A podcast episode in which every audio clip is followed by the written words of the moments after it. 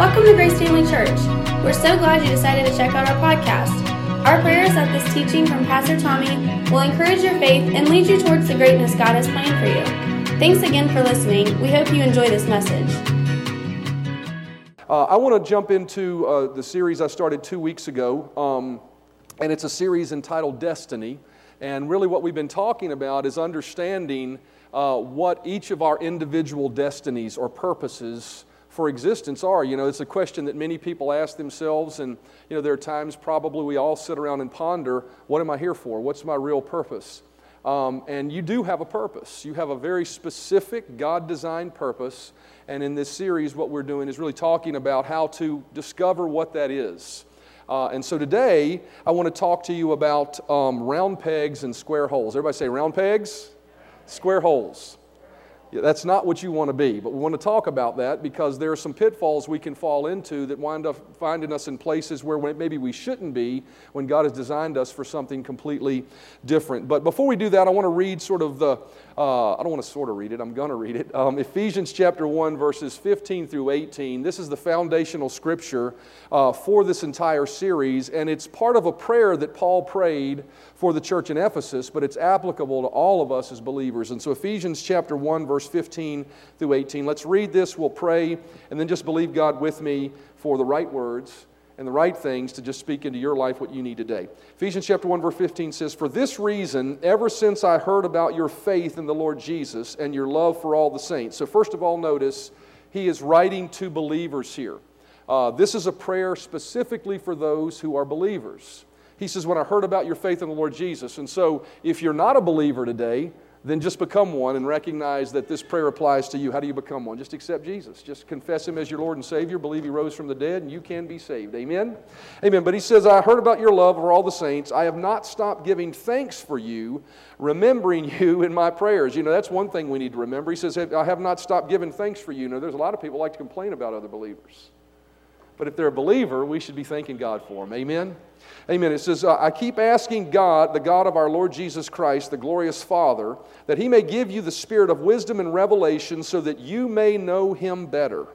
I pray also that the eyes of your heart may be enlightened in order that you may know the hope to which He has called you. Let's pray before we begin. Father, thank you so much for, I just, I'm so grateful for this body of believers. I'm so grateful for what you're doing in us as a group of believers and, and just drawing our hearts toward you and increasing our hearts for others.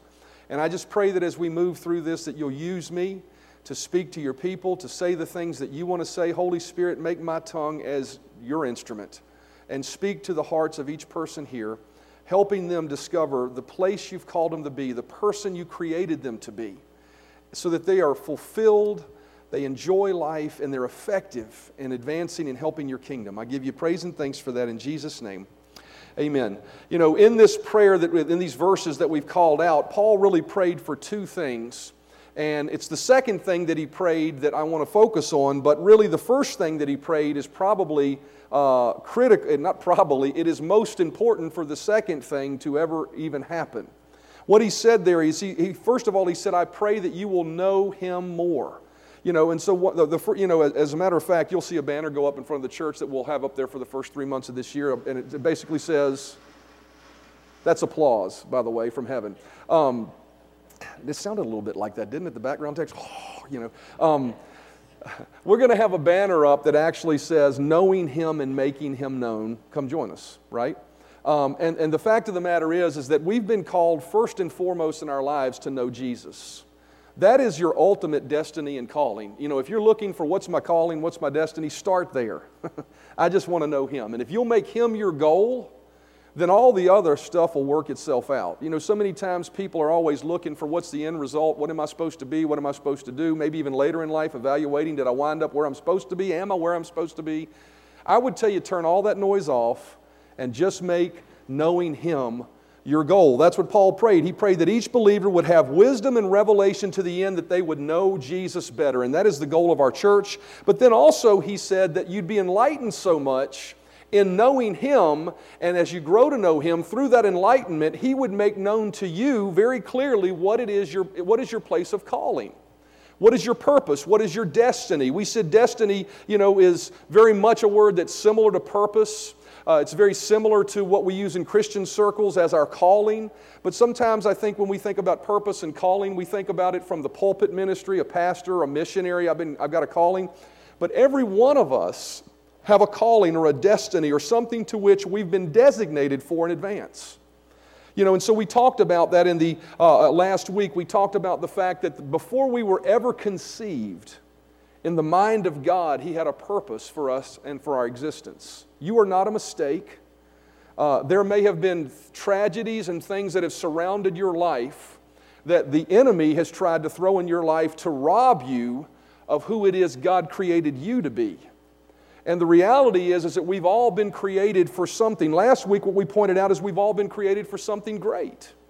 Now, the definition of greatness is what we have to uh, recognize, you know, because the world calls greatness something completely different than what God calls greatness. And that's what we talked about last two weeks ago. We said greatness is not defined by how well you're known. It's not defined by how much you accomplish as far as, you know, uh, accumulation of things. It's not even determined by how, how great your conquest is. Greatness is determined by one simple thing. He told Abraham, He says, I'm going to make your name great and you will be a blessing. What determines greatness in your life is is your life being used to be a blessing where you're at? It's not a destination you arrive at. It's not something you achieve to. For younger people, it's not how many followers you have on TikTok, right? It's absolutely 100% uh, is your life being used to be a blessing to others? That is our calling.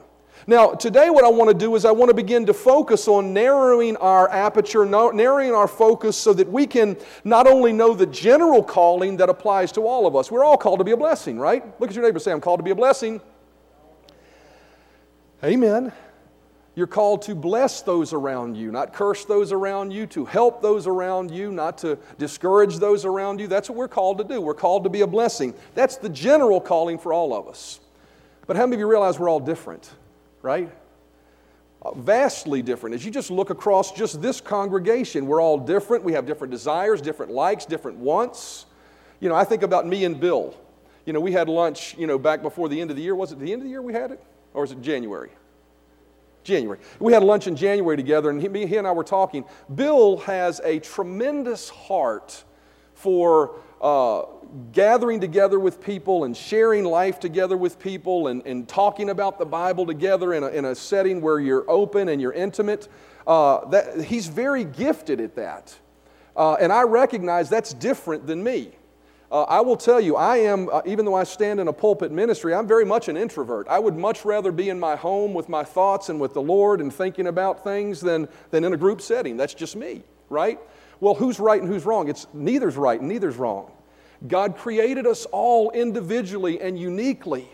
And, and so, because of that difference, it's important for us to understand that and come to the place where we can figure out how do I fit in the place God has called me based on who He created me to be.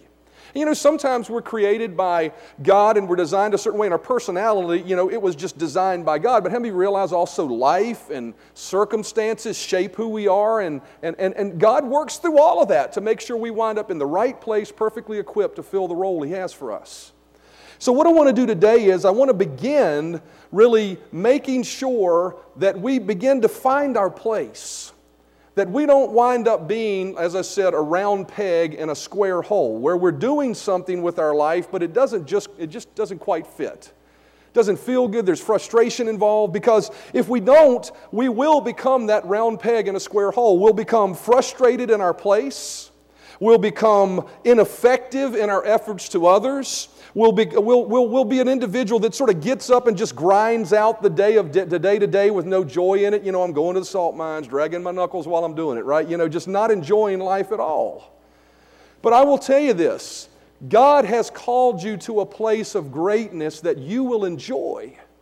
That'll be a I mean, there's certainly there will be sacrifice. Certainly there will be things that we have to choose to do to sacrifice for others. But in the midst of all of that, there will be great joy. And so, what I want to let you know is what we want to get to today is understanding our place of service in the kingdom of God. Everybody say in the kingdom of God. I want to level set this. Because what I'm not talking about in this series is finding your occupation.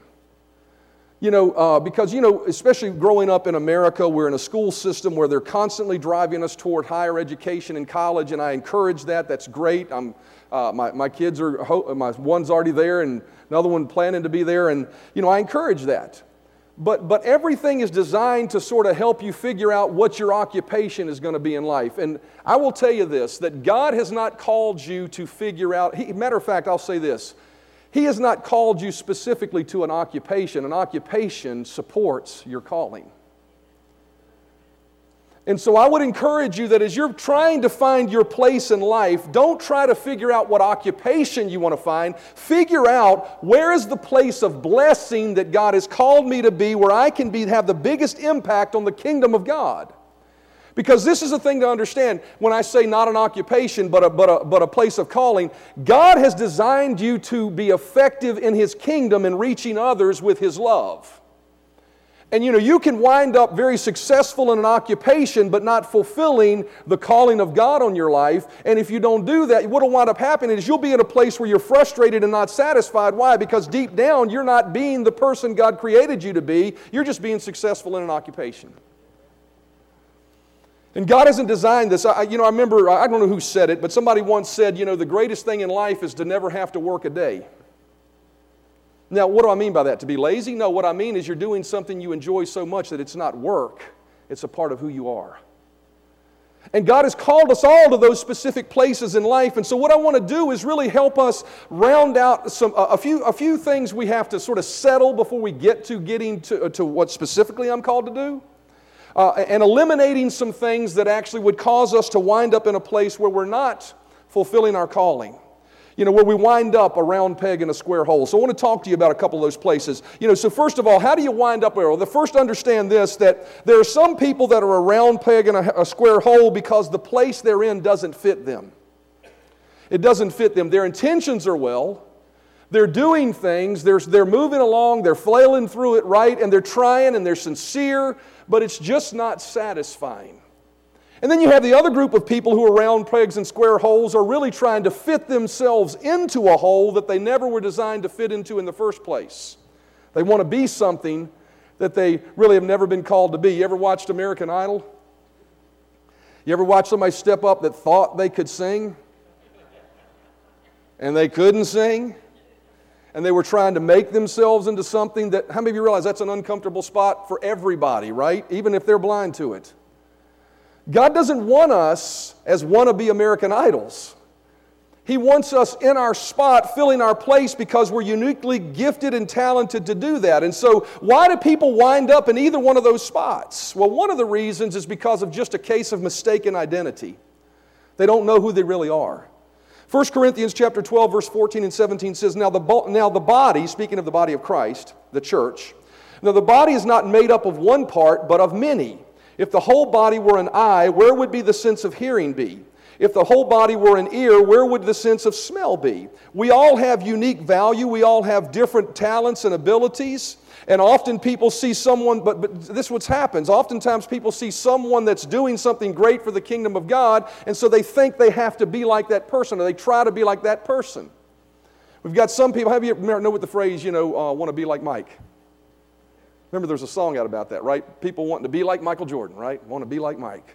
There's a lot of people in the kingdom of God who want to be or like Michael Jordan. They want to become, you know, like him. And so I've seen people like this. I remember when I graduated from Bible college, Brother Hagin, I had the privilege, if you don't know who he is, Kenneth E. Hagin uh, was the founder of Rhema Bible College. I had the privilege of going during the time frame when he was there, and he spent a lot of time teaching in, in, the, in the classes. And so I watched people as they began to develop the gift they were in, you know, Kenneth Hagin had a tendency when he walked around and preached, he had a little bit of a belly and getting closer to that, but um, he, he'd walk around, have his pinky out, and he'd talk like this and wiggle his finger while he preached. And I, I watched people mimic and try to be like him. And it was sort of, you know, it was interesting. You know, I don't think they even recognized what they were doing, but they were trying to be him. How many realize God hadn't called you to be somebody else? He's called you to be the unique you that He's called you to be. There are no want to be like Mike's or no want to be like Kenneth Copeland's or no want to be like Billy Graham's in the kingdom of God. Nothing wrong with not following their example and looking at the example of their life. But I will tell you this You are uniquely created to do something that only you can do. Amen. Thank you, heaven, for jumping in there. Here's something you need to recognize your uniqueness will define your calling. See, some people in life, they don't recognize, they have a, a, case of mistaken identity. They see themselves through other people's eyes instead of taking the time to come before Jesus and see themselves through His eyes for who He created them to be. See, Jesus created you very uniquely. And verse 4, and, and when we fill those spots, our uniqueness allows us to round out the entire thing that God is trying to do in our midst. Ephesians chapter 4 and verse 16 says, Under the control of all the different parts of the body fit together. And the whole body is held together by every joint with which it is provided. So when each separate part works as it should, the whole body grows and builds, its up, it builds itself up through love. What's it saying? It's saying that the uniqueness of every individual in the body of Christ universal and the body of Christ local. How many of you realize if you're here, you're here for a reason? And the reason isn't just to hear great preaching from your pastor. Can I get an amen? Humbly uh, actually, uh, you know, I'm just a guy, right? But I probably shouldn't have said that, but I now feel really uncomfortable. Um, but your, your reason is not just to be here to hear pr- great preaching. You're called to a local body to fill a spot, to do something for the kingdom of God. And I will tell you this that your place of calling in your local church and your place of calling in your local life is the primary calling of your life. It's not your, your occupation, but yet most people spend most of their time focused on the occupation piece. Now, the occupation piece, and when I say focus most of their time on it, I mean that's where their mind is. You know, how realize you got to make a living, right? So you got to work, feed your family, provide for them, do, be a good steward, and all that stuff. And that's okay. But if that's your goal, that occupation, that you got your priorities wrong.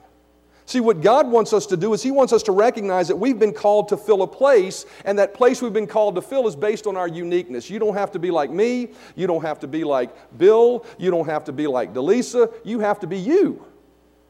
And the reason you're here is because I believe this. If, if, this if this is the church God has for you, you are here because God wants to use who you are to accomplish something great for Him in our midst. You say, what is that? We're going to get there. You know, the, uh, for, uh, not only do some people want to be like Mike, but some people want to take his place. Now, here's where we get into some thing, a thing called ambition. Everybody say ambition. Some people connive and strive because they see a spot that they'd like to be and they think, well, I'm going to get in that place. Motives get mixed up, ambition gets wrong, they try to take spots, they try to make people look bad. They even do that sometimes in occupations. But 1 Corinthians chapter 12 and verse 18 says, But in fact, God has arranged all the parts of the body, every one of them, just as He wanted them to be. If they were all one part, where would the body be? As it is, there are many parts, but one body. As I said, God has uniquely designed us, and He hasn't designed you to be somebody else, not to take their spot, not to stand in their place of calling. You know, sometimes that's a case of misguided ambition. I've always said this that, you know, many times people come to a church and they, they join a church with an intent to um, they've got an ambition for a position. But I've always said this that God hasn't called you to a position, He's called you to a place of service.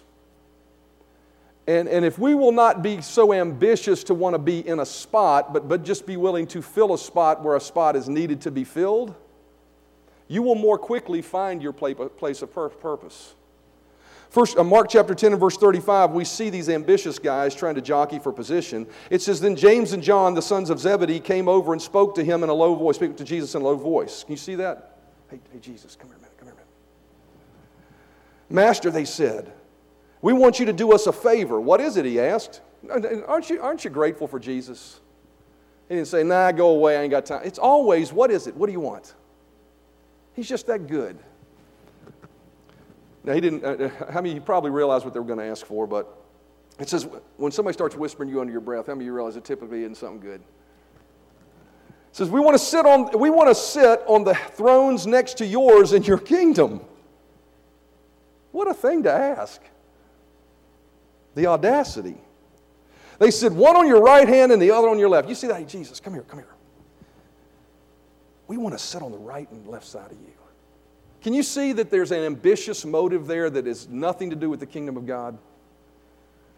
It says, Jesus said when the, uh, when the other disciples discovered what James and John had asked, they were very indignant, so they got mad about it too. So Jesus called them and said, said unto them, As you know, the kings and great men of the earth lord it over all the people.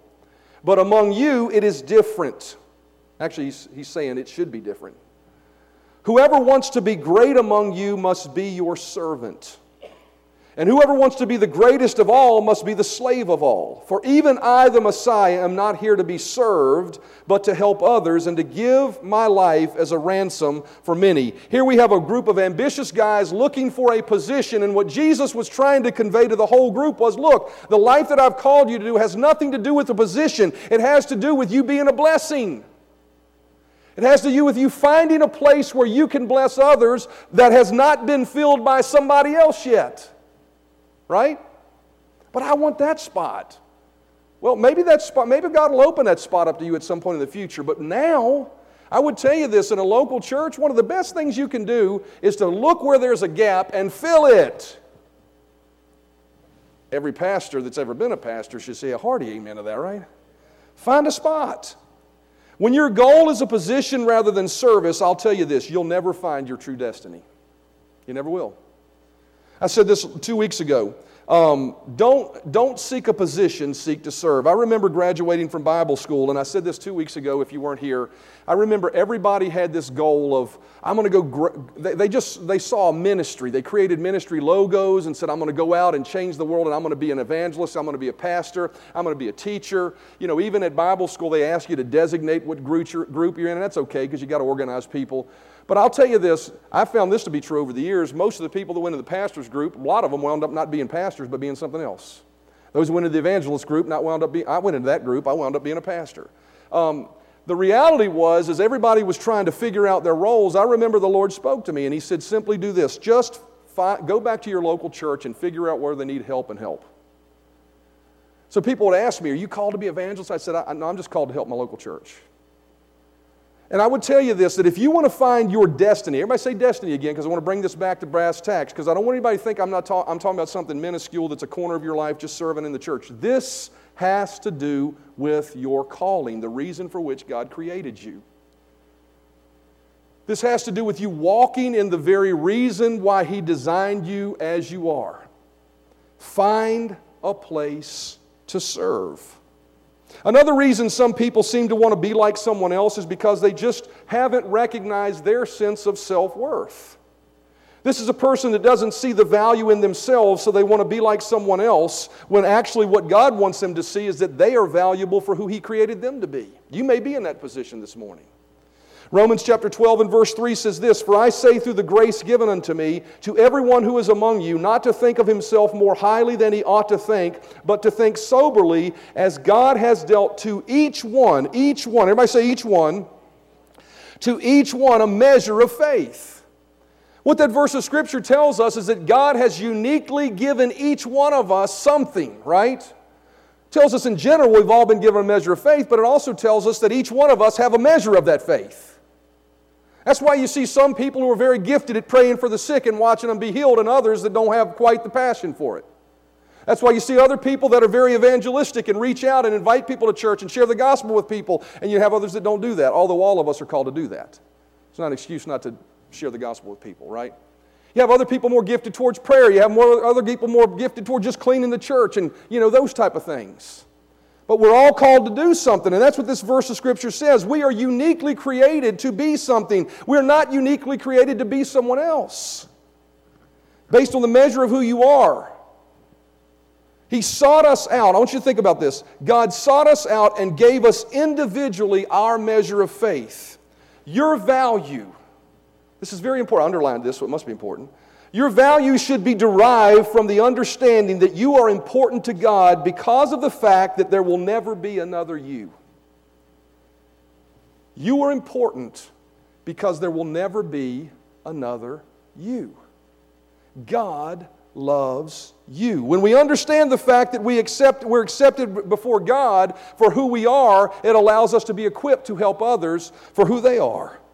Luke chapter 14 and verse 7 says these words It says, When he noticed that all who came to the dinner were trying to sit near the head of the table, he gave them this advice If you're invited to a wedding feast, don't always head for the best seat.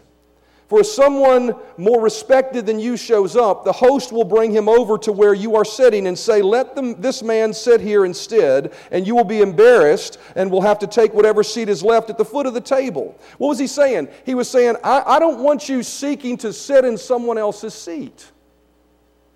He goes on to say, and if we read on with that, that you know we'd be better off in Luke chapter 4, verse 10, it says, Do this instead. Start at the foot. And when your host sees you, he will come and say, Friend, we have a better place than this for you. Thus you will be honored in front of all the guests. For everyone who tries to honor himself shall be humbled, and he who humbles himself shall be honored. What's he saying? He's saying, if you're going to be a team player, don't be the one looking to be in a position. Be the one that's just happy to be on the team. Right? That's what he's saying. He's saying, just be happy to have a seat. And if that's your attitude in, in, finding your place for the kingdom of God, you're not looking for prominence, you're not looking for notoriety, you're not looking to be something special, you're just happy to be on God's kingdom and you're willing to help wherever the help is needed, that's the kind of heart that will bring you to your place of destiny so that you don't wind up a round peg in a square hole that is uncomfortable in what you're doing. And it's my responsibility as a pastor, I've always tried to do this, to not put people in positions where they're not comfortable being. But I will tell you this there are times of sacrifice, even when we see a hole, we have to be willing to fill it so that uh, other individuals aren't left filling it all the time, right? We have to be willing to help and serve. And so it's important for us to recognize that we're called to be humble and be willing to serve in unseen places. This is where it all starts. The measure of great i really think about it for a minute. Jesus said that was the measure of true greatness your willingness to serve and not be seen. I'll tell you this with my, when, when I graduated from Bible school, I never, I never aspired to be a pastor, I never aspired to start a church. I, I just wanted to help people. So I came back from Bible school, and I just, uh, you know, the church I was in was in Salem at the time, and they needed help in different areas, and I did everything in that church they needed. I was the outreach guy, I was a children's guy for a while, and I was a youth guy for a while. I was, I was, the, I was a prayer room worker. I just did about anything they needed help with. After a period of time, the Lord uh, really challenged me specifically to step out and begin to travel. And I began to, you know, travel, and, and the Lord began to bring me into churches, large churches, to minister to people. And I could see that, that ministry growing. And then all of a sudden, I, I'm standing brushing my teeth in a, in a bathroom in West Virginia while I'm at some meetings. And the Lord challenges me, and He says, I want you to go to Greenville, South Carolina, and I want you to help Wyatt Brown teach his kids. I had a ministry that was growing, all the work I had put in, beginning to see some of the financial benefits of it at least, because for a while there was just, you know, just had much of nothing. And the Lord said, lay it all down, shut it all down, go help. That was not a difficult decision for me. And, and I don't say that to be arrogant or anything else, but I say it because my mindset has always been Lord, just show me where I can be used to help people. And for 10 years, I sat in a basement teaching about 25 kids, sometimes 30, sometimes 40, but, but I, I, about 25 kids for 10 years writing curriculum, never caring once about ever being a pastor of a church. And I will tell you this with sincerity of heart. If you aspire to something great in your life, recognize that greatness has nothing to do with the position you're in, because I would tell you this the greatness of what I did during those 10 years is no less than the greatness and things that are accomplished that, I, that, that are through me, that God would accomplish through me in spite of myself as a pastor. And so when we're looking for our place of calling, I think the thing that I want to get to today is, that, is this simple point as the musicians come. It's simply this that before we look specifically at what God has called us to do, has He called me to help with the children? Has He called me to usher? Has He called me to be an evangelist? Has He called me to be a missionary? Has He called me to give? Whatever it may be, before we look specifically at it, I want to challenge you, first of all, to look into your heart and make sure your motive is in the right place. That your heart is truly in a position where you're saying, Lord, I don't care what you call me to be, I just want to be a blessing. I don't care if it's a place, matter of fact, I could care less if it's a place of notoriety. Matter of fact, my heart is almost drawn to the place that is not that.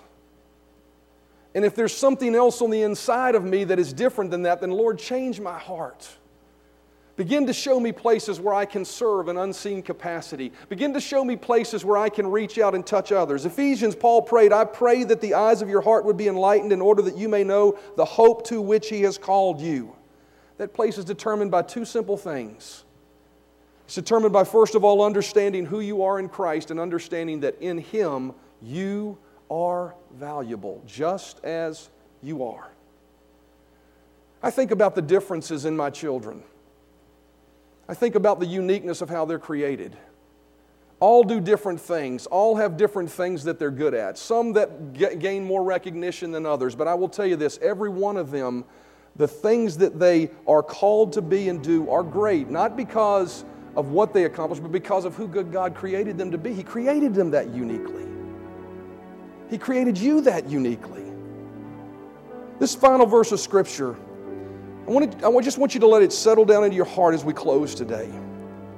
It says this word, these words. David said these words. He says, For you formed my inward parts. You covered me in my mother's womb. I will praise you. Why will I praise you? Oh, this is so enlightening if you look at it. I will praise you, for I am fearfully and wonderfully made. Marvelous are your works, and that my soul knows very well. David said, I can praise you for who you created me to be. I got to tell you, that, that takes a place of great self realization. Most people, when they look in the mirror, they don't like what they see. And the reason they don't like what they see is because they see themselves through the eyes of their mistakes, through the eyes of their pain, through the eyes of their failure, through the eyes of their quirks that make them different than everybody else. But what David said was, In the uniqueness of who you made me to be, I will humbly recognize that I'm not anything special, but you made me who I am, and so I can praise you for that. I can be comfortable in my own skin. Before you can ever discover your destiny, you have to become comfortable in your own skin. You have to embrace your uniqueness. You have to embrace your weirdness. I'm not saying intentionally to be weird, but how many of you realize there are things about you that some people probably don't know? That you might not want to show to other people and expose to other people, and some of it probably need to keep yourself. but there are other things about your personality that make you unique. And as I look across this group of people just sitting here today, the thing the Lord really challenged me about at the end of this message was simply this point you need to know how great you are, how much He loves you, how much He created you, not to be like somebody else, but to be like you. And as you embrace that and you say, Lord, I will praise you. And I pray that's what you come to at the conclusion of this service as we prayed and close, that you'll be able to say, Lord, I am going to thank you for who I am. All the unique things about me, I'm going to become comfortable with who I am because that's who you made me to be. Not, not, the, not the negative things, not the ungodly things, those are things we work on, but the uniqueness of our personality. And as we embrace that, I will tell you next week we're going to take a next step and we're going to look at okay, how do we take that uniqueness and use it for something effective for the kingdom? We're going to, we're going to get there next week. But before we ever get there, because I was going to teach it all today, but I just felt like the Lord wanted me to stop right here and wanted every one of us to pause for a moment and turn our hearts towards our Creator and see Him looking back at us through eyes of love that says that say, "I made you, and I love you." And you have value because of who you are. Bow your heads with me, Father. We will praise you as our Creator, not thriving and striving and thrashing against who we are, but we will embrace the beauty of who you uniquely created us to be, and we will say, I will praise you, for I am fearfully and wonderfully made. Work on the parts of me that need changing. But the seed of who I am on the inside of me, that is who you created me to be, the heart of hearts within me. And I give you that. I embrace that. I hold my shoulders back in it, not with arrogance, but with great confidence that I don't have to be somebody else, I can be myself. Thank you, Lord Jesus. Thanks for listening to our Grace Family Church podcast. We hope you enjoyed this message. If this ministry has blessed you in any way, we would love for you to get connected. Just go to gfcva.info for more information about who we are, how to give to this ministry, or how you can get involved. Thanks again for listening, and we hope to see you soon.